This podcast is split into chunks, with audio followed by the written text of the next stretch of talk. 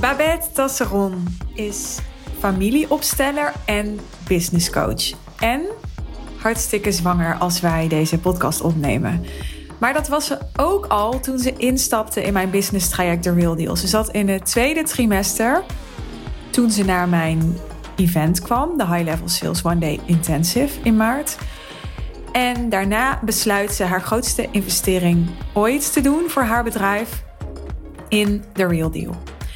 Wat dat haar al heel snel opleverde en wat haar ervaring is in The Real Deal in de afgelopen maanden, dat vertelt Babette zelf in deze aflevering. Luister maar. Hey Babette, welkom in mijn podcast. Leuk dat je er bent. Ja, vind ik ook. Superleuk. Jij kwam op 18 maart naar de High Level Sales One Day Intensive. Laten we daar beginnen. En daar had ik je al uh, drie keer voor uitgenodigd, geloof ik. En jij was de allerlaatste voor dat event, zal ik niet snel meer vergeten. Die ja, dus het laatste ticket ook volgens mij uh, kocht. Klopt, ja. Vertel even hoe dat ging. Vertel even, ja, wat maakte dat je uiteindelijk toch besloot naar mijn event te komen? Wat trok je aan en waarom duurde het even voordat je over de streep was? Ja, Um, nou, wat ik sowieso heel erg leuk vond om te merken was dat jij heel graag wilde dat ik erbij was. ik heb ook uh, daar al heel veel geleerd dat jij gewoon actief uh, om je heen kijkt wie jouw droomklanten zijn en waarvan jij denkt die passen bij mijn traject. En dat je die, in dit geval ik dus, uh, letterlijk een uitnodiging stuurt die gewoon op je deurmat valt. En um, ja, ik heb die toen bekeken. Het interesseerde me al wel. Dus ik voelde al wel van hey, dit zou wel eens iets kunnen zijn. Maar um, ik zat ook, geloof ik, toen, ter zijn de tijd, in mijn tweede trimester van mijn zwangerschap. En ik merkte gewoon van ja, ik, ik zit eigenlijk nu niet in de fase dat ik me wil committen aan iets. Nou ja, dat is later wat anders gelopen, maar daar gaan we het vast straks nog over hebben. Dus ik ben uiteindelijk gekomen omdat ik echt intuïtief voelde van ik ga nu echt iets missen als ik er niet ben. En daar was vanuit jou wat volharding voor nodig. En vanuit mij gewoon wat, wat ja, voelen in het moment. En uiteindelijk dolblij dat ik, dat ik ben gekomen. Fijn. Ja, ik was ook heel blij dat je erbij was. Waar ik benieuwd naar ben, is jij hebt het over volharding. En ik denk dat veel ondernemers mogelijk niet zo volhardend zijn omdat ze bang zijn om te pushen. Ja. Dus wat maakte dat het voor jou voelde als volharding en niet als pushen?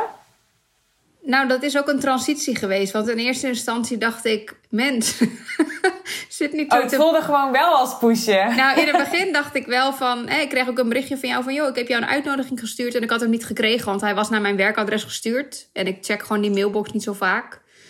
En ik had zelf tijd nodig om in te zien dat het niet ging over pushen... maar over volharding. Want bij mij zat er gelijk een thema op mensen zelf benaderen... En dat is gelijk wat ik net al zei. Dat is een van de lessen die ik nu zelf geleerd heb, waardoor ik met hele leuke klanten mag werken, omdat ik hun nu ook zelf benader. Maar ik moest zelf nog even er doorheen van gewoon een ego-ding, denk ik. Van uh, ja, je komt toch een beetje in mijn space en als ik iets wil, dan vraag ik het zelf wel. Dat zit heel, ook heel erg in mijn systeem. Tot ik ging voelen van nou, het is wel een soort, ja, het is wel eigenlijk heel fijn als iemand al zelf voorselecteert. En dat is gewoon wat jij doet met je klanten. En dat maakte ook dat ik uiteindelijk door had van, nou, dit gaat niet over pushen, dit gaat gewoon over volharding. Van Babette is gewoon een type klant met een bepaalde type mindset in een bepaalde niche of wat het dan ook is, die bij mij past. En dat is eigenlijk ook wel heel erg lekker als een coach jou daarop selecteert, want dan weet je gewoon, we zijn bij voorbaat in ieder geval vanuit jouw gevoel een match. En dan is het nog aan mij om te kijken of ik dat ook zo ervaar. En dat, nou ja, dat bleek zo te zijn. Ja, Waarom was je blij dat je erbij was die dag? Um, ja, het was sowieso heel erg leuk om weer um, op een event te zijn met, met gelijkgestemden. Dat klinkt altijd zo super cheesy, dit antwoord, maar dat is het echt. Het zijn toch een bepaald soort type ondernemers die dan bij jou komen, die klaar zijn met kleinspelen en gewoon echt serieus aan de slag willen. Wat ik super fijn vond, was dat ik. Uh, die dag waren er, dat weet jij denk ik beter dan ik, maar ik denk zo'n 15 of 20 mensen. En 25, maar maakt niet uit. Nou ja, dat geeft dus aan hoe ik me voelde. Want ik had niet het idee dat er zoveel mensen waren dat ik zelf niet aan bod kwam. Ik heb zoveel geleerd in die groep met 25, ook één op één. Dat doe je ook heel goed in het publiek. Dat je echt gewoon op persoonlijke stukken ingaat. Ehm, op één even spart met mensen. En toen dacht ik echt, ja, de dingen bijvoorbeeld die ik eruit heb gehaald, is dus nou ja, het actief benaderen van je eigen klant. Dat als je wil gaan kiezen voor een doelgroep, dat het niet per se betekent dat als je een bepaalde niche kiest, dat je de rest helemaal buitensluit. Het gaat gewoon over wat je zelf laat zien in je etalage, hè, waardoor mensen jou kennen. En daarbinnen mag je altijd nog een keuze maken om voor iemand anders te kiezen. Dus iemand die bijvoorbeeld niet in mijn niche zou passen. Zo zijn er zoveel praktische elementen die ik die dag al getackeld heb. Dat ik dacht, als ik dit nu al heb, terwijl we nog met 24 anderen in een ruimte zitten, hoe gaat het dan straks zijn als ik in jouw coachprogramma stap? Waarbij we hè, echt selectief op mijn vragen uh, verder in kunnen gaan. Ja, ja, tof. Wat was precies hetgeen, kan je dat pinpointen, waardoor je die dag verkocht werd op de Real Deal, waar je toen bent ingestapt?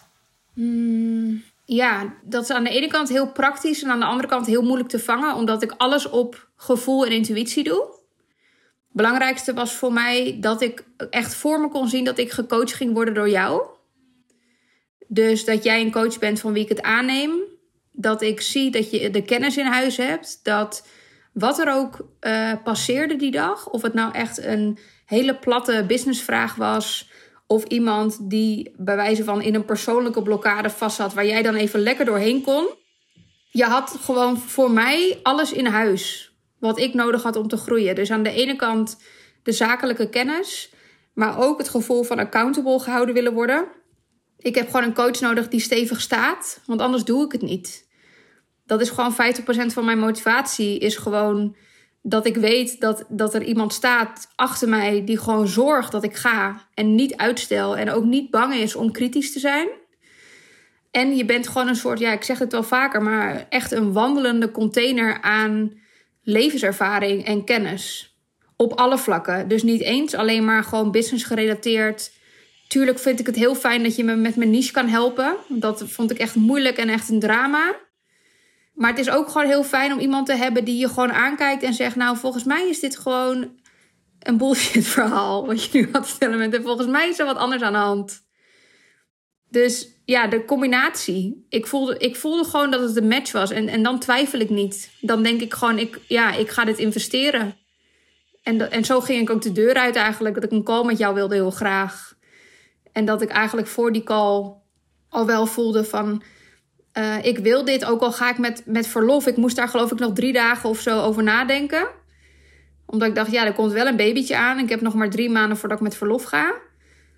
En mijn hoofd vond daar van alles van. Maar mijn gevoel was zo sterk dat ik dacht, ja, wat is de right timing anyway? Die is er gewoon niet. Dus we gaan het gewoon doen en dan splitsen het wel even op. En dan ga ik wel weer verder als ik terug ben. Ja, dat vond ik een bijzondere keuze. Of, of een, ik weet niet of bijzonder het goede woord is, maar een, een moedige keuze. Want je was uh, al, ja, dus op de helft, over de helft van je zwangerschap, zoiets. En het was de grootste investering die je ooit hebt gemaakt, zei je toch? In de Real Deal. Ja, dat klopt. En ik had die maandag nog tegen Tim gezegd: Nou, lieverd, ik ga nu echt afbouwen met mijn bedrijf. Ik heb besloten dat ik niks extra's meer ga doen. Ik ga het rustiger aandoen. Ik ga denk ik ook afbouwen met klanten. Want dan kan ik gewoon de laatste drie maanden een beetje zo richting mijn verlof. Weet je wel? En toen was jij daar ineens. dat was echt op maandag dat ik dit zei. En op donderdag kwam ik thuis. En toen zei ik: Oh ja, ik ga trouwens echt tienduizenden euro's investeren. En Tim kent me ook. Dus die had zoiets van: Nou, lekker doen. Want als jij voelt dat dit nodig is, dan moet je dat doen. Maar het contrast was gigantisch. En dat zegt ook echt iets dus over jouw salesdag. Want mijn hoofd vond helemaal niet dat het een goed idee was dat ik in zou stappen in jouw traject. Terwijl ik kon er gewoon niet meer omheen. Ja, tof. Vond ik leuk. Ik ook. Ik waardeer heel erg in jou dat jij zo rete snel implementeert. ja. Dat was al na dat event op 18 maart. Jij had echt letterlijk, het was een donderdag en ik geloof vrijdagochtend opende ik mijn Instagram en toen stond er al een post van jou over een nieuw aanbod. Ik weet niet meer exact wat er stond, maar je had gewoon gelijk de volgende ochtend was je het al aan het aanbieden, had je al je prijzen verhoogd, had je al een post over geschreven. En toen je instapte bij mij in mijn traject, ging het net zo. Dat was echt, ja, ik hoefde maar iets te zeggen of het was al gebeurd. ja, ja, dat klopt. Wat leuk dat je dat zegt. Ja. En wat maakt voor iedereen die luistert en die denkt: Oh, ik heb daar misschien toch iets meer tijd voor nodig? Dus inspirerend misschien om, als jij wilt delen, wat maakt dat dat, dat voor jou zo natuurlijk gaat? Want zo voelt het voor mij, dat je er ook niet heel veel moeite voor hoeft te doen. Je hoort gewoon iets, het resoneert en je gaat gewoon. Ja, um, ik denk dat dat twee dingen zijn. En ik ben zwanger, dus misschien als ik de eerste vertel, dan ben ik de tweede vergeten. Daar hadden we het net al over. Maar ten eerste denk ik dat jij net dat setje hebt gegeven of net de juiste vraag hebt gesteld wat een beetje de druppel was. En wat ik daarmee bedoel is dat een nieuw aanbod lanceren heb ik de volgende dag gedaan, één dag na jouw event. Maar het was al iets wat al een beetje weken aan het sudderen was. Dus dat is denk ik één kant van het verhaal, dat het suddert en dat ik dan op een gegeven moment denk, ja, dit is het nu, dit is het moment. Aan de andere kant kan ik ook heel goed voelen als iets helemaal resoneert. Dus als ik denk, ja, dit klopt gewoon, dan denk ik ook, ja, waarom wachten? Want als ik één ding heb geleerd, ook in coaching met jou, hè, ook als we met een groep bij elkaar waren tijdens jouw VIP-dagen of die salesdagen of als we een call hebben, dan is het niet alleen maar inhoudelijk dat je informatie meekrijgt of dat je voor jezelf actiepunten opschrijft, maar ook dat je in een bepaalde vibe komt. En ik heb gewoon geleerd dat, volgens mij is dat ook een manifesting generator ding. Dat heb jij mij volgens mij nog verteld. Is dat een manifesting generator moet niet, als hij een vibe voelt, wachten en opschrijven. Nou, ik heb zo'n leuke vibe. Ik ga hier misschien een keer een podcast over opnemen deze week. Nee, wij moeten gelijk die podcast opnemen, want we zitten in die vibe. En ik denk dat dat ook onderdeel is geweest. Dat ik hem zo voelde op de vibe van hoe jij mij gecoacht hebt, hoe ik in de groep zat. Dat dat gewoon de lekkerste manier is om gelijk door te pakken. Ja. Dat gaat niet meer vanuit ego. Het stroomt gewoon uit je vingers en je denkt gewoon, ik doe dit. Tenminste, dat is hoe het dan bij mij werkt. Ja. Maar dat wil niet zeggen dat je niet. Want nu klinkt het net alsof uh, alles wat ik zei meteen resoneerde. Dus voor de mensen die denken, nou, dat heb ik niet bij Suus. Ik heb nog wel eens weerstand als ik iets van haar lees of luister. Ja. Dat heb jij ook gehad, ja, ja. Op momenten. Daar moeten we het ook even over hebben, denk ik. Ja, denk jij nu aan iets specifieks? nou, ja, ik, ik moet uh, bijvoorbeeld denken aan je cursussen. Zou dat zo'n moment geweest kunnen zijn? Ja, en dat heb je echt in drie minuten getackeld. Dat is wel heel interessant, maar daar zat wel weerstand op. Ik kan er wel iets over delen, als dat leuk is, ja.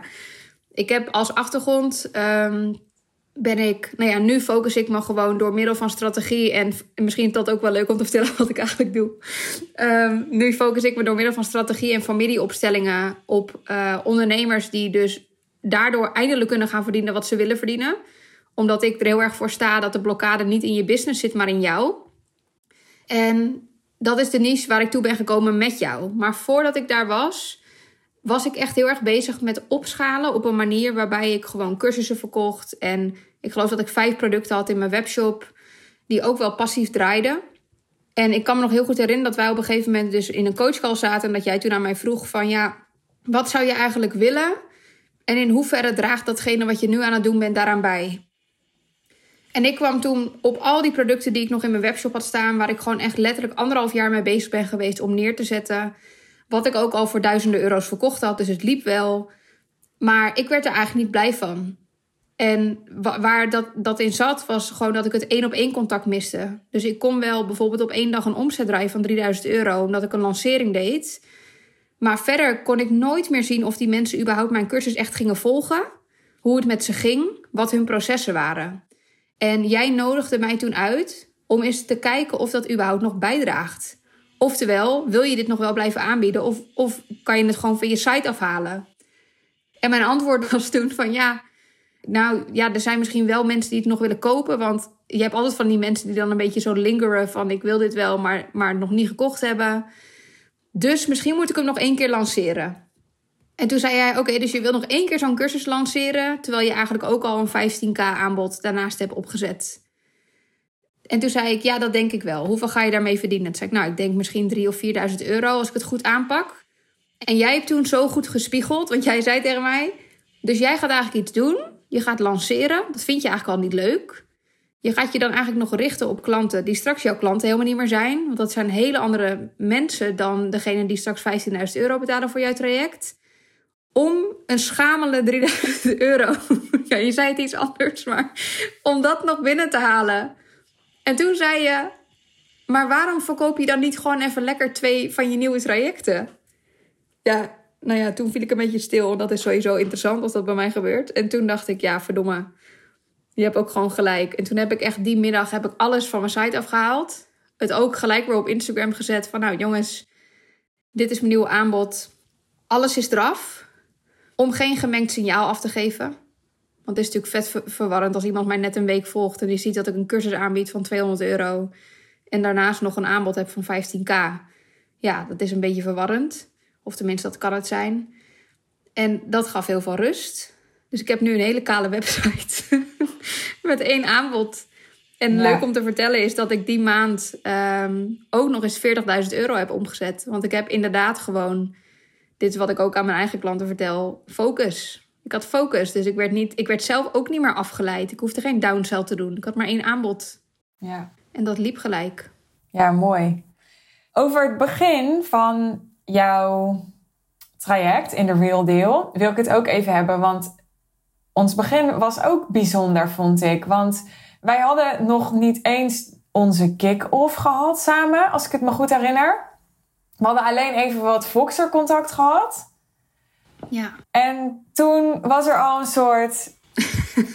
ja, hoe moet ik het omschrijven? Zeg jij het maar. Ja, ja, dat is echt. Dat, is, dat was ik alweer vergeten. Dat jij dit nu zegt, denk ik, oh ja. Nou, ik zat toen net in die transitie. Ik was net naar jouw uh, uh, salesdag geweest. High Level One Day Intensive. Dus ja, niemand kan naam. het onthouden hoe het heet. Ja, en uh, ik weet nog dat ik vanuit daar al wel wat actiepunten had. En dat ik heel duidelijk voelde van oké, dat high-end aanbod ga ik verkopen. Want het is gewoon ook het meest passend voor mijn klant. Dus ik voelde dat ook helemaal. Maar ik ging ook richting mijn verlof. En ik weet nog dat wij nog geen call hadden gehad. En dat ik een uh, aantal intakes had die week. En dat ik gewoon vastliep. Want ik zei tegen jou, ik wil die klanten wel aannemen. Maar ik heb net geen drie maanden meer. En mijn trajecten zijn drie of nou, inmiddels zes maanden. Dus ik kan ze niet kwijt. Dus mijn conclusie was, dan begin ik wel weer in november. En toen heb jij eigenlijk echt volgens mij één of twee tips gegeven van... Allereerst, is dat waar? Want waarom zou je niet nu al kunnen beginnen en het kunnen opsplitsen? Eigenlijk net als dat ik doe met jou als mijn coach. Wij, werken gewoon drie maanden samen, dan hebben we even pauze. En dan als ik weer terug ben, dan gaan we weer verder. Uh, dus dat opende al iets. Dat ik dacht, oh ja, het is niet het een of het ander. Het is niet zo zwart-wit. Ik kan nu gewoon beginnen met iemand en zeggen... ik ben er dan even vier maanden niet. Het is voor jou een hele mooie implementatieperiode. En um, het tweede wat jij ook tegen mij zei... en ik weet helemaal niet of dat is waar jij nu op doelt... maar dat, ik ga het wel even noemen... is dat jij maar ook leerde dat je soms in een gesprek met iemand zit en dat je denkt: ik heb wel een aanbod, maar ik heb eigenlijk iets wat veel beter past bij jou. En dat ook al heb je dan zelf nog niet helemaal handen en voeten gegeven aan dat idee. Als in mijn geval betekende dat dat er echt één vrouw was waarvan ik echt dacht: nou, ik wil langer werken dan drie maanden met jou. Want ik zie zoveel potentie en zoveel groei. Dat ik haar ter plekke in dat gesprek iets heb aangeboden wat ik nog helemaal niet per se op de plank had liggen. Dus zij is ingestapt nog voor mijn verlof. En we hebben nog hele fijne sessies gehad. En uiteindelijk in een traject, wat ik nu dus verkoop als enige traject. Terwijl ik dat nog helemaal niet per se bedacht had, maar gewoon voelde van dit heb jij nodig.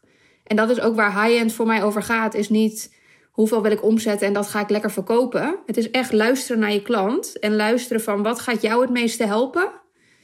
En uh, is, voelt dat voor mij ook nog goed? Hè? En is het ook een manier waarop ik het zelf zou kunnen vormgeven zonder zelf helemaal over de kop te gaan? En dat, um, dat vergt flexibiliteit. En dat heb ik ook wel van jou geleerd. Ja, mooi. Ja. Ja, ja mij staat vooral bij dat ik... Ik had ergens met me gedeeld dat je... Ik weet niet of de getallen exact kloppen, maar dat je tot je verlof of zo, dat was toen misschien nog een week of zes, zou dat kunnen, nog iets van 12.000 euro wilde omzetten. Ja. misschien zeg ik het niet helemaal goed. En ik voelde toen gelijk al van, oké, maar je hebt nu al een aanbod van 13.000 of 15.000 dat je toen. Ik dacht, nou, daar kan je volgens mij zo nog, nog een aantal van verkopen. Dat voelde voor mij zo uh, laag ingezet. En uh, dat heb ik toen aan je teruggegeven. En toen verkocht je het volgens mij echt direct daarna ook twee keer of zo. En had je echt direct 25 of 30.000 euro omzet. En dus ook een recordomzet gedraaid die maand. Ja. Ja, en dit is ook dit is wat ik bedoelde toen helemaal aan het begin van de podcast. Dat ik zei, ik zoek iemand die me accountable houdt. Maar ook iemand die me challenged. En ik dacht gewoon, ja maar Suus, ik ga toch met verlof. En ik moet toch rustig aan. En één klant is ook wel goed. En ik zat gewoon heel erg in die kleinhoudmodus. En uiteindelijk was er helemaal niet, hè, niet om, om het kort te doen of zo, maar we hebben helemaal niet een heel plan gemaakt met z'n tweeën. Of een hele salespagina geschreven of een selectie gemaakt van deze mensen ga ik dan benaderen. Wat ik gewoon heb gedaan, is mezelf toestemming gegeven om te gaan verkopen. Zo simpel als dat. Dus het gewoon noemen in een gesprek. En dat, dat, komt, dat komt echt door die, ja, gewoon omdat ik uitgedaagd word. En als ik uitgedaagd word, dan ga ik wel. Ja, en dat blijkt, want ik heb jou echt, nou, binnen een maand of zo heb ik jou echt volgens mij al twee keer terugverdiend. En daarna nog een keer. En niet dat dat de motivatie is, alleen maar om jou terug te verdienen. Maar ik heb het op een manier gedaan waar ik heel blij van word. Waar mijn klanten eigenlijk alleen maar de vruchten van plukken. Want ik heb nog een heel lijstje met dingen die ik kan delen Waardoor zij veel meer waarde krijgen. Dus bijvoorbeeld support tijdens mijn verlof. Heb ik ook helemaal opgezet. Was ook een idee wat jij aanbood. Van joh, je kan ze helemaal loslaten. Maar je kan ook nog op een bepaalde manier ervoor ze zijn. Dus ik heb samen met mijn team heb ik dat opgezet. Dus mijn klanten zijn super blij. En ik ben ook dus heel erg blij. Dus het gaat, niet, het gaat hier natuurlijk over bedragen. En ik weet ook zelf als coach dat het altijd heel lekker werkt om te zeggen: Nou, ik heb zoveel verdiend. En, want uiteindelijk doen we dit gewoon niet hobbymatig. Maar het is niet zo zwart-wit als dat. Ik ben echt, ik heb veel meer rust. Ik heb veel meer uh, plezier in mijn werk. Ik heb klanten die gewoon, had ik daarvoor ook al hoor. Ik had daarvoor ook hele leuke klanten. Maar ik heb echt nu ook klanten die, ja, die gewoon echt meters maken. En, en dat is echt, uh, ja, ik zag gewoon op tegen mijn verlof. Ik denk dat dat wel genoeg zegt. En we zijn drie jaar onderweg geweest voordat ik zwanger mocht worden. Dus ik dacht van nee, ik ben echt zo'n moeder straks die echt niet kan wachten. Maar mijn bedrijf ging zo goed dat ik echt dacht: dit is ook mijn kind, weet je wel. Ik moet hier straks gewoon vier maanden afstand van nemen. En dat, ja. ik zat in zo'n lekkere flow. Dus dat zegt ook echt alles over hoe het ging. Mooi. En we zijn pas drie maanden bezig nu samen? Vanaf ja, volgens mij begin april. Het is nu ergens begin juli. Dus drie maanden, ja. Ja, ja joh, dat belooft wat, hè? Ja. er is nog zoveel mogelijk. Wat is jouw grote ambitie nog in jouw tijd in de Real Deal? Ja, mijn grote ambitie is. Ik merk nu, ik ben nu bijna een kleine maand met verlof. Dus het gaat nu alleen maar over babyleertjes wassen. En, dus ik moet heel even omschakelen. um, nou, mijn grote ambitie is wel. Even teruggrijpend naar de, de vragen die jij in het begin stelt van het traject. Tenminste, dat was toen met mij dat je vroeg van wat zou je graag willen behalen en wat is de waarom. Welke mijlpalen zijn dat? Ik heb toen gewoon mijlpalen opgeschreven uh, van, uh, nou ja, traject terugverdienen met jou. Volgende mijlpaal zou zijn uh, dat mijn man is ook ondernemer, dat, dat hij naar een nieuwe werkplaats zou kunnen. Of dat we een auto zouden kunnen kopen en een natuurhuis uiteindelijk als allergrootste mijlpaal, als tweede huis. En um, wat ik nu wel heel stevig voel, is dat, dat er twee dingen zijn die belangrijk voor me zijn. Het eerste is uh, vanuit rust en vertrouwen ehm, tijdens de Real Deal weer opnieuw gaan wennen aan het ritme wat ik straks ga krijgen. Dus echt het moederschap combineren met ondernemerschap op een manier waarbij ik mijn klanten nog steeds het beste kan helpen en mezelf niet tekort doe. Dat is voor mij denk ik prio 1 als ik weer terugkom. En het tweede is, als je het echt hebt over omzetdoelen, is dat nu ik weet dat ik in één maand 40.000 euro kan draaien, dat ik um, dat wel zou willen opschalen. Dus dat ik, dat ik eigenlijk zou ik naar maanden willen waarin ik dat standaard heb. En niet eens eigenlijk, maar dat wil ik. Dus ja, dus, ja 40.000 euro per maand en dat dan een heel jaar lang. dat zou mijn ultieme doel zijn. En dan ook op een consistente manier dat zo inrichten dat het blijft lopen en dat ik daarin ehm, niet degene ben die alles alleen draagt. Dus zoals jij altijd mooi zegt, eigenlijk ben jij de arts of de chirurg. En die plant zelf ook niet zijn afspraken in met, met de mensen die langskomen. Die heeft een assistent. Nou, ik had een team omheen en, en ehm, ik heb nu ook geleerd om dingen, bijvoorbeeld voor het onboardingsproces, om niet meer te zeggen: kom, we gaan lekker met z'n allen overleggen en we gaan dit samen bedenken. Maar gewoon dat ik zeg: ik wil dat dit structureel goed verloopt. Maak maar een plannetje en kom maar bij me terug. Dus ook om een bepaalde structuur neer te zetten in mijn bedrijf, waardoor dingen gewoon duidelijk zijn. En ook vooral duidelijk dat ik dat dus niet meer hoef te doen. Ja. Dus, dus ja, dus dan heb je het echt over balans tussen werk en privé. Die omzet van 40 of 50.000 euro per maand. En uh, focus in mijn eigen werkzaamheden. Dus alleen nog doen wat ik het leukste vind. En dat is gewoon klantcontact. Ja. En daaromheen stoppen met de dingen. En over die, uh, die consistente omzet. Is het dan zo dat je dat je, want het klinkt nu als ik verplaats me even in de luisteraar en dan klinkt het een beetje alsof je één keer zo'n piek hebt gehad van 40.000 euro en dat het daarna inkakte. Uh, is dat dan omdat je toen met verlof ging? Of is daar iets anders gebeurd? Want je hebt niet een lancering gedaan of zo, waardoor je die 40.000 verdiende. Dat waren gewoon een paar klanten die, je, die je hebt aangetrokken en die je klant werden, waar je niet. Uh, ja, een, heel, uh, een hele contentstrategie voor hebt opgetuigd. Of funnels of advertenties heb je ook niet. Hè? Het is allemaal wel interessant om nog even te delen. Ja. Dat is allemaal niet, hè? Klopt. Ja. Dus wat zou dan...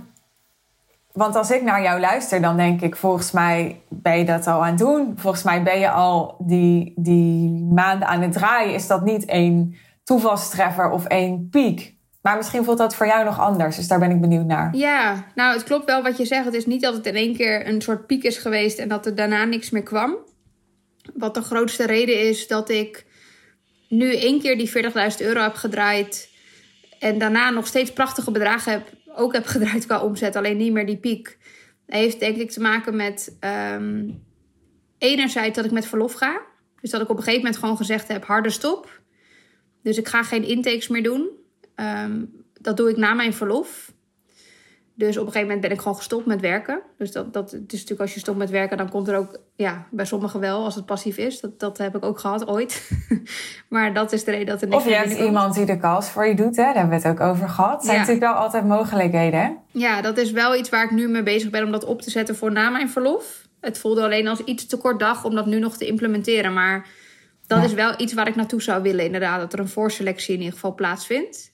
Dus ja, enerzijds is het de tijd gewoon geweest dat ik gestopt ben met werken. En anderzijds, um, hier daar gaan we weer, hè, zwangerschapsdementie. Ik moet even denken wat ik bedacht heb. Uh, oh ja, heeft het te maken met, um, uh, met zelf nog mezelf de tijd gunnen om uit te zoeken hoeveel klanten ik aan kan. Want begin dit jaar heb ik nog, toen ik intakes had met mensen, dat ik echt letterlijk zei: Jij bent de laatste die ik nu binnenlaat. En dat was ook echt zo. Want ik dacht, ik wil er eigenlijk maar vier. Nou, inmiddels heb ik acht klanten. Allemaal, die zijn er allemaal extra bijgekomen nog in de laatste maanden voor mijn verlof. En ik was ook zoekende van, oké, hoe gaan we dit uh, vormgeven? Dus dat was het andere. Ik heb zelf, denk ik, bewust ook wel een stop erop gezet. Omdat ik dacht, ik wil ook tijd houden voor mezelf. Tijd houden om aan mijn bedrijf te werken. En op termijn, als ik zoveel klanten krijg dat ik denk, ik kan dit niet meer aan één op één. Nou, dan wordt het misschien een groepstraject. Maar ik had daarin iets meer space voor mezelf nodig om te voelen waar ik stond. Want ik heb gewoon verdubbeld qua klanten. Ja. En dat betekent ook iets voor mijn planning en ook iets voor de werkzaamheden daaromheen. Ja. Ja, ik voel die luisteraar alweer helemaal jeuk krijgen, want die denkt: Oh, straks heb ik ook zo'n volle agenda met één op één klanten en ik wilde juist vrijheid. ja, en dat hoeft dus Hoe niet, hè? jij dat? Ja, en ik herken dat dus. Uh, ik ervaar dat nu niet zo als te druk. Het gaat gewoon over slimmer werken, anders werken en een type klant aantrekken die dus het werk zelf doet. Want ik zie ze één keer in de maand.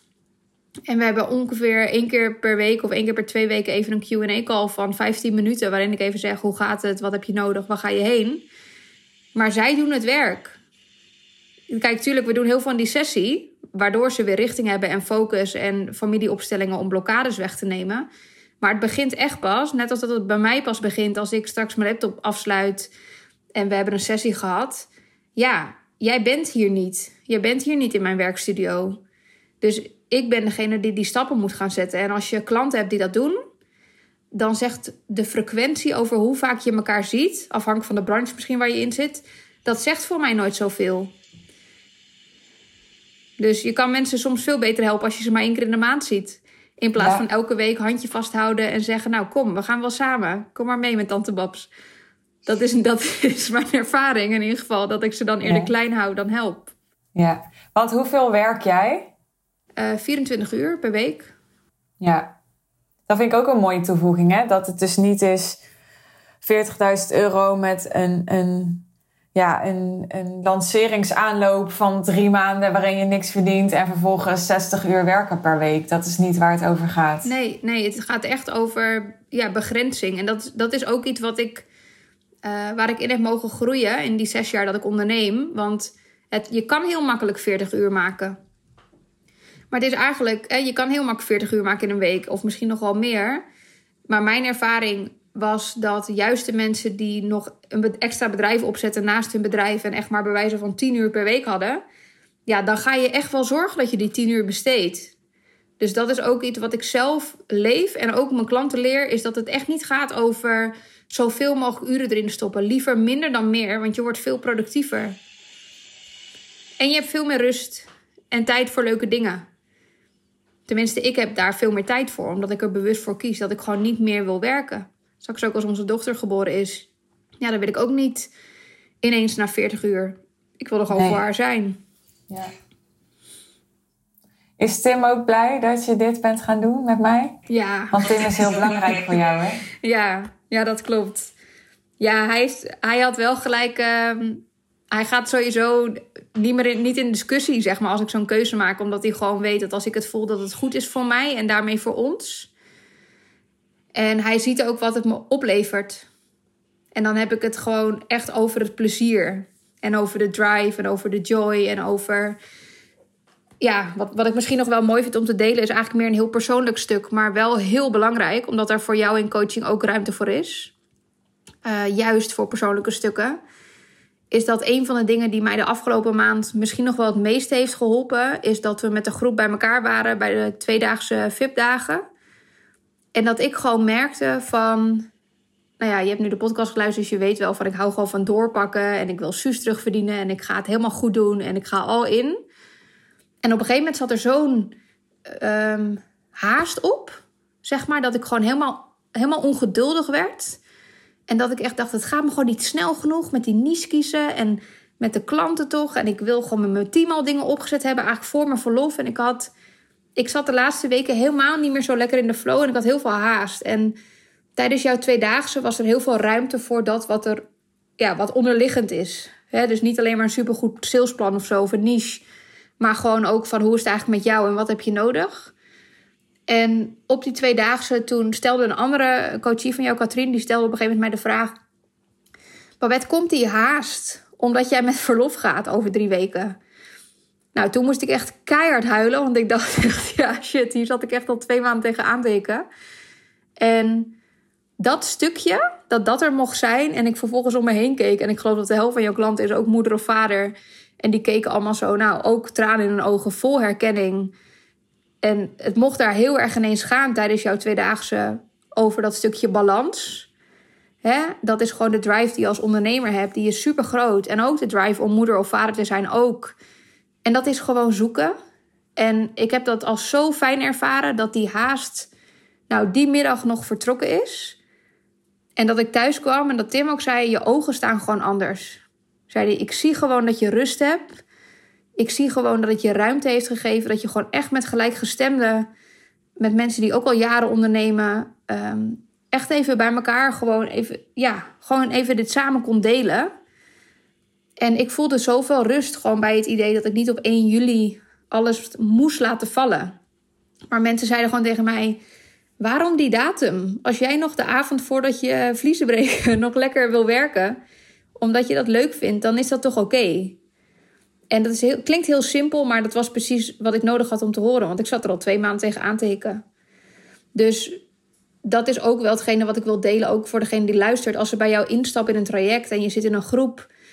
Het is eigenlijk zelden, dat is eigenlijk altijd met coaching, maar dat je krijgt wat je wil. Er komt altijd iets op je af wat je nodig hebt. En bij mij was het dus nodig om eerst even helemaal persoonlijk weer oké te zijn met alle veranderingen in mijn leven. En vanuit daar heb ik nog drie trajecten verkocht. Terwijl ik eigenlijk ging afbouwen. Ja. Dus ja, daar is gewoon ook ruimte voor. Voor dat persoonlijke stuk. En dat, ja, dat is echt. Ik heb echt nog een hele week met een glimlach op mijn gezicht gelopen naar jouw VIP-dagen. Ook al was het 138 graden. En deed me ja, was heel warm. ja. Maar ja, dat is wel nog iets wat ik even expliciet wil benoemen. Dat, dat, dat daar zoveel ruimte voor is. En dat dat het voor mij ook nog extreem waardevol maakt. Want het gaat niet alleen over platte sales of business. Het gaat ook juist heel erg over mij. Ja, ja mooi wat je daar aanhaalt. Dus in hoeverre is uh, mijn business traject anders voor jou dan andere trajecten of cursussen of, of um, coachingsprogramma's die je hebt gevolgd? Want je hebt veel gedaan, weet ik, aan coaching en persoonlijke ontwikkeling en ook voor je business. Ja, nou, ik vind het heel moeilijk sowieso om jou te vergelijken met iemand. Omdat je gewoon uniek bent in je soort. Dus ja, dat is een compliment. Trouwens, laat ik dat even benoemen. Wat voor mij heel erg helpt is. Ehm, nou, het feit dat je, hè, dat je het ook samen doet. En dat er ook ruimte is voor één op één. Want dat is er altijd. Het is niet dat je altijd iedereen betrekt bij het hele verhaal. Maar juist omdat je samen bent met andere ondernemers. Dat je ook leert van verhalen van anderen en hoe diep dat dingen soms zitten, waardoor je zelf herkenning ziet. Ehm, wat mij helpt is dat ik ook inzie om los van jou de credits te geven die je echt verdient, want ik heb echt heel veel geleerd en nog steeds, is dat ik ook inzie dat, het wel, dat ik wel een bepaald type ondernemer ben die instapt bij jou. Want mijn drive om dingen te gaan doen was zo groot dat was de basis, zeg maar. Ik wilde gewoon niet meer klein. En ik wilde niet meer er voor iedereen zijn. En ik voelde gewoon na al die jaren ervaring van... ik heb al zoveel geprobeerd en ik weet dus ook wat het niet is. Ik ben klaar voor focus. En ik geloof wel dat dat echt de mindset moet zijn die je hebt als je instapt bij jou. Want jij doet niet het werk voor mij. Het is wel dat ik mijn drive inbreng... en dat jij daar heel goed mee uit de voeten kan. Dus wat jou gewoon als coach onderscheidt daarin um, ja, er is geen tijd voor bullshit of het is rechtlijnig. Je gaat altijd naar de kern. Zelfs als ik zelf denk dat ik er al zit. Dat ik denk, nee, maar dit is echt. Dit is echt waar het over gaat. Of um, ja, dat, dat ik mezelf soms nog een beetje voor de gek hou. Ik heb ook mijn blinde vlekken, ook, ook al ben ik coach. En jij weet ze gewoon als een soort speur, speurhond. Gewoon supergoed uh, op te speuren en, dan, uh, en er een cadeautje van te maken. Ja. Mooi compliment, dankjewel. Ja, alsjeblieft. Nou, viel mij nog op net, ik bedacht me dat ineens. We hebben het volgens mij in deze podcast nog niet één keer gehad over high-end. Klopt dat? Ja, misschien één keer heb ik benoemd wat het type klant is die ik als een soort van als high-end zie, maar we hebben er niet expliciet oh iets over gezegd. Nee. Nou, dat hoeft ook helemaal niet. Maar ik vond het grappig om het te bedenken, omdat ik natuurlijk een beetje high-end, high-end, hoor mij nou bekend sta om die term, high-end. Ja. En omdat ik nooit meer zou vergeten dat jij na mijn event in maart zei. Nou, ik wist het niet zo hoor met dat high-end. Ik dacht dat is een of ander geheim genootschap waar je een soort pasje voor moet hebben en dan mag je erbij. ja, dat heb ik gezegd. Ja, dat klopt. Kan je daar iets over delen nog? Ja, nou, kijk, er zijn twee dingen grappig. Eerst is, denk ik, wat jij zegt, dat ik dat ook echt zo voelde. Van high-end is een soort club. En ik weet niet waar ze zitten. En ik heb, ik heb geen uitnodiging gekregen. Dus volgens mij mag je er echt pas bij als iemand zegt... hey, wil je bij de high-end club? dus daar rustte bij mij ook iets op. Um, en tweede is dat ik eigenlijk tijdens jouw event erachter kwam dat ik eigenlijk al high-end was. Voor 80%. En, en waar dat hem in zat, was gewoon meer voor mij dan. Um, ja, high-end zit hem niet alleen maar in hoge prijzen vragen. High-end zit eigenlijk in dat je zoveel. dat je een prijs vraagt omdat je het kan dragen. Omdat de transformatie van je klanten zo intens, ontzettend groot is. dat het eigenlijk een schijntje is voor wat ze krijgen, zeg maar. En voor mij werd high-end daardoor ineens gewoon heel erg benaderbaar en toegankelijk. Want ik dacht, jeetje, dat doe ik eigenlijk al. Dat doe ik eigenlijk al. Het gaat over een levens, zeg maar, life-changing event. Iets wat levensveranderend is. En dat is echt hoe mijn klanten mijn trajecten ervaren. Dat ik dacht, ik zit er dus al bij. Zeg maar, ik heb dus al een ticket voor die high-end club, maar ik wist het niet. Ja. Um, en verder is het gewoon een term ja, die misschien ja, die misschien niet eens zoveel waarde heeft. Ik snap wel dat jij hem gebruikt. Want het is denk ik belangrijk dat mensen gewoon een bepaald gevoel hebben misschien bij wat je doet. Maar ik denk altijd, je kan volgens mij beter high-end doen dan zeggen dat je high-end bent. Want het, gaat het gaat veel meer over hoe je het doet. En niet zozeer over, nou, ik zit bij de high-end club. Ja. ja, mooi is dat. Mijn klant Elisabeth zei dat ook een keer. Als je het moet zeggen, dan is het niet waar of zo. Zij heeft een mooie quote daarover. Ja. Dus als je het moet benoemen, dan, dan, uh, ja, dan is het blijkbaar nodig om het te benoemen. Ja. ja. ja het is een beetje over jezelf zeggen van... Uh, ja, ik ben ook uh, een heel spontaan persoon en ik ben ook heel grappig. Ja. Weet je, als ik denk, ja, dat maak ik zelf wel uit. Ja. dus dat is ook met high-end inderdaad. Dat je, het is goed om te benoemen, denk ik, voor een niche. Maar ik ervaar het ook echt zo bij jou en high-end zit hem in alles. Het zit hem in zelf, dat ik zelf dat stuk draag wat van mij is. Dat jij dat niet doet. Ehm, het zit hem in hoe jij events aanpakt. In hoe je mensen coacht. De vragen die je stelt. Dat je eigenlijk high-end coaching is voor mij ook iets... Nou, wat jij mij ook hebt meegegeven... is het niet per se aardig gevonden willen worden. dus ik heb dat ook in coaching. Dat ik soms echt nou ja, tegen mijn klanten dingen zeg... die ze echt nodig hebben om te horen... maar die gewoon wel pijnlijk zijn... Want je draait er niet omheen, want het gaat mij om dat zij hun maximale potentie behalen. En daar gaat het jou ook om. Dus het is niet poezelig met een grote mantel der liefde. Het is gewoon uh, recht toe, recht aan. Ook vanuit liefde, maar vanuit een ander soort liefde. Van ik gun jou die groei. Ja, ja mijn coach zei ooit over mij zeg maar vergeleken bij, uh, bij andere mensen met wie ze had gewerkt van jij bent echt heel no nonsense. Nou, dat vond ik echt een vreselijk woord. No nonsense. Dat, ja, dat klonk echt alsof ik, ik weet niet, ik vond dat zo, zo saai klinken. Voor mij is no nonsense echt zonder poespas. Terwijl ik hou heel erg van, van poespas, weet je wel. Ik hou van sieraden en ik hou van, van dingetjes en ik ben helemaal niet zo'n less is more persoon. Maar ja, wat hij inderdaad bedoelde volgens mij is dat ik uh, dat er geen ruis is bij mij of zo. Of in ieder geval, ik zeg niet dat er bij mij geen ruis is, maar dat elimineren we. Hè, dus, dus dat niet er omheen draaien. Dat is volgens mij wat zij bedoelde. Ja. Bedoel jij dat ook? Ja, 100%. En als je dan zegt dat elimineren we, dan denk ik nee, jij. jij elimineert. Want het is heel makkelijk om je eigen bullshit verhaal te geloven. En om te denken, zoals in mijn geval, nee, maar ik ga toch echt afbouwen. Ik moet toch rustig aandoen voor mijn verlof. En dat jij echt zegt, ja, why? Weet je wel, je kan toch nog wel één gesprek doen. Bijvoorbeeld, dit is heel plat. ja, nu klinkt het net alsof ik jou, uh, jou als het van werkpaard met de zweep heb uh, geslagen. Ja, zo heb ik het wel ervaren, zus, de afgelopen Ja, nee, maar het is wel, je haalt die ruis weg. En, en dat is soms heel plat en heel erg van, nee, maar ga maar gewoon doen. Weet je wel? En soms is dat gewoon heel diepgaand. Van nee, maar dit gaat echt ergens anders over. Want ik hoor je nu dit en dit en dit zeggen. En dit gaat echt over iets anders. En dan kom je toch vaak bij een persoonlijke blokkade. Dus die ruis weghalen, zeg maar, dat doe jij. Want het is heel makkelijk om, om dat in te brengen als coachie. Om het lekker groot te maken. En dan lekker gewoon te beginnen met praten. En dan te kijken waar je eindigt. En jij, jij bent dan degene die zegt: even stop. Waar gaat dit nou echt om? Dus dat no-nonsense, ja, als persoon. Ik zou jou zeker als persoon niet omschrijven als no-nonsense, omdat je gewoon juist super extravagante bent.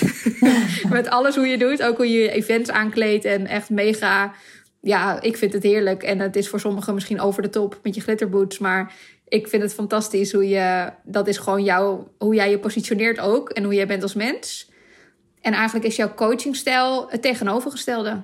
Ja. ja, dat voel ik ook heel erg. Ik sta dus heel erg voor die simpelheid. En, en maar, maar dat is... Ja, simplicity. Simpelheid is volgens mij geen woord. Simplicity noem ik het ook wel. Versimpeling is beter gezegd. En tegelijkertijd ja, uh, hou ik juist heel erg van, van allerlei details ook. En, en uh, ja, ik denk dat de mensen die het beste bij mij passen, dat, dat herkennen. Dat ze ook die details waarderen. En, en die. Nou, Sandy bijvoorbeeld was op mijn uh, event geweest. Heel even klein zijsportje. En die zei. Die mailde ons achteraf dat ze merkte hoeveel oog wij hadden. Of eigenlijk moet ik hier de Iris de credits voor geven, moet ik eerlijk zeggen. Want ik heb organisatorisch helemaal niks gedaan. Dus alle credits hiervoor naar Iris. Maar dat Iris zoveel oog had voor alle details. En zelfs zo dat op het laatste moment bleek dat twee mensen later zouden komen. Omdat ze verkeerd gereden waren. En dat Iris toen nog de placering had veranderd. En die mensen aan de buitenkant van de zaal had gezet. Zodat als zij binnen zouden komen, ze niet langs iedereen hoefden en hoefden te storen. Nou, en dat was volgens mij bijna niemand opgevallen. Maar Sandy dus wel. Het zegt heel veel over hoe, uh, hoe nauwkeurig en secuur Sandy dan weer kijkt. Maar dat is, dat, en dat is natuurlijk op zich niet, niet altijd simpel. Hè? Daar wil ik ook eerlijk over zijn. Als je, als je voor alles oog wil hebben, dan vraagt dat veel aandacht. Ja. En, en dus ook energie. En, uh, maar dat kan alleen, dat is eigenlijk mijn boodschap. Je kunt alleen dat oog voor detail hebben. Als je dus niet um, heel veel events hoeft te doen. Hè? Of, of uh, eh, 200 mensen in zo'n zaal moet hebben. Of, hè, dus als je op kwantiteit moet richten, dan, dan kan het niet anders of dat, uh, dat gaat of ten koste van, van je privéleven en de kwaliteit daarin, of ten koste van de kwaliteit die je kunt bieden. Ergens gaat het schuren. En dat is een soort balans die je continu zoekt van ja, hè, ik, wil, ik wil zelf ook niet met vijf klanten per jaar werken. Hè. Ik, ben, ik vind het heel tof dat de Real Deal nu groeit en dat, en dat hij wat meer body krijgt. En dat, um, ja, dat ik wat meer mensen kan helpen. En tegelijkertijd wil ik dus geen massa en wil ik persoonlijke aandacht hebben voor iedereen. Ja, en, uh, ja, en die dat voel ik bij jou ook. Ja, ik vind het heel mooi hoe je dit omschrijft. Want ik denk dat deze transitie is, is eigenlijk de weg naar eenvoud dus ook in coaching. Je wil eigenlijk als coach het zo eenvoudig mogelijk maken voor je klant. Dat is ook wat jij doet, door vragen te stellen. Ehm, maar eenvoud is heel, kan heel ingewikkeld zijn, die weg daar naartoe. En dat is misschien een doordenker, maar het, vaak als het simpel lijkt, dan is dat het niet. Want er zit gewoon echt, nou ja, inhoudelijk dus een bak aan ervaring onder om e-, eenvoudig te kunnen zijn in coaching. En ervoor te zorgen dat je zelf niet je eigen patronen en structuren meeneemt in een gesprek met iemand. Dat, bijvoorbeeld. Maar ook event. Er was ook geen ruis op jullie event. En dat, dat begint bij, bij die dingen zoals dat jij zegt. Iris die heeft ze dan aan de buitenkant van de groep uh, neergezet. Zodat ze niet de rest gaan storen. Maar het zit er ook in dat jij bij wijze van met je VIP-dag... Um, hè, met de locatie bij Glunder dat die host, die wisten mij elke keer te vinden. Kijk, ik heb natuurlijk een super dikke buik, want ik was toen al in mijn laatste trimester. Maar um, van joh, jij bent zwanger en dit eten is voor jou. Of oh ja, jij bent degene die gluten, dus dit is voor jou. En je hoeft zelf helemaal niet in de gaten te houden, bijvoorbeeld van krijg ik nog iets? Of zien ze me wel? Of de, alles wordt ontzorgd. Er is geen ruis. En dat voer je erdoor in, nu dit, dit besef ik me pas nu ik dit zeg hoor, maar in eigenlijk alles wat je doet dus je gaat altijd terug naar de basis en je haalt gewoon die ruis weg, ook voor je klanten. En dat is een soort van optimale vorm van ontzorgd worden. En dat is ook gewoon heel lekker. Ja. zeg maar, die tweedaagse ja. was echt super leerzaam en heel intens door het persoonlijke proces wat ik net al even deelde. Maar het was ook gewoon echt even weg. Een soort vriendenweekendje met goede gesprekken en gewoon lekker eten. Mooie locatie. Weet je, je wordt ook echt ontzorgd of zo. Juist omdat het, omdat het eenvoudig uh, wordt gemaakt. Ja. Ja, ik heb alweer helemaal zin in het volgende. Komt er nog een twee dagen? ja, ja, zeker. Oh, ja. Ja, in januari. Ja. Oh, ja. ja, leuk. Maar dan hebben we natuurlijk geen eh, 138 graden, dat snap je. Nee, precies. Dat is iets anders. Dat is een andere sfeer. Ja, ook leuk. Maar ook leuk. Dankjewel Babette voor je mooie woorden. Voor je, ja, gewoon wie je bent zou ik willen zeggen. Het klinkt heel cheesy. Maar je, ja, ik, ik uh, waardeer zo aan jou ook dat je zo dankbaar bent naar mij altijd toe. Uh, dat je ook tijdens de tweedaagse greep je elk moment aan om even je waardering ergens over te uiten als je die had. Uh, ja, daar, daar maak je mij heel blij mee en heb ik heel veel bewondering voor. Dus dank je wel. Hmm, alsjeblieft. Ja, het is ook gewoon een feestje. Het is ook hard werken, maar het is ook gewoon, het is ook gewoon heel erg leuk. Dank je wel dat je dat zegt. Dankjewel Babette nogmaals voor je mooie woorden en jij natuurlijk bedankt dat je dit geluisterd hebt. Ik hoop dat het verhaal van Babette je geïnspireerd heeft, resoneerde bij je, iets aangewakkerd heeft en maakt dat je nu iets anders gaat doen dan je gisteren deed of vandaag van plan was te doen. Omdat je voelt dat er iets groters voor je is, dat er iets simpelers voor je is, dat er iets warmers voor je is, dat er iets kloppenders voor je is. En als je mijn hulp daarbij wil, dan ben ik er heel erg graag voor je. Wil jij ook samen met Babette en andere fantastische ondernemers onderdeel uitmaken van The Real Deal en mijn persoonlijke begeleiding bij jouw bedrijf? Slimmer en sneller jouw financiële doelen behalen, waardoor de kwaliteit van je leven omhoog kan gaan? Ga dan naar de link in de omschrijving bij deze aflevering. Lees meer over The Real Deal via die pagina en boek daar ook je call met ons. Heel graag spreek ik je binnenkort. Tot dan!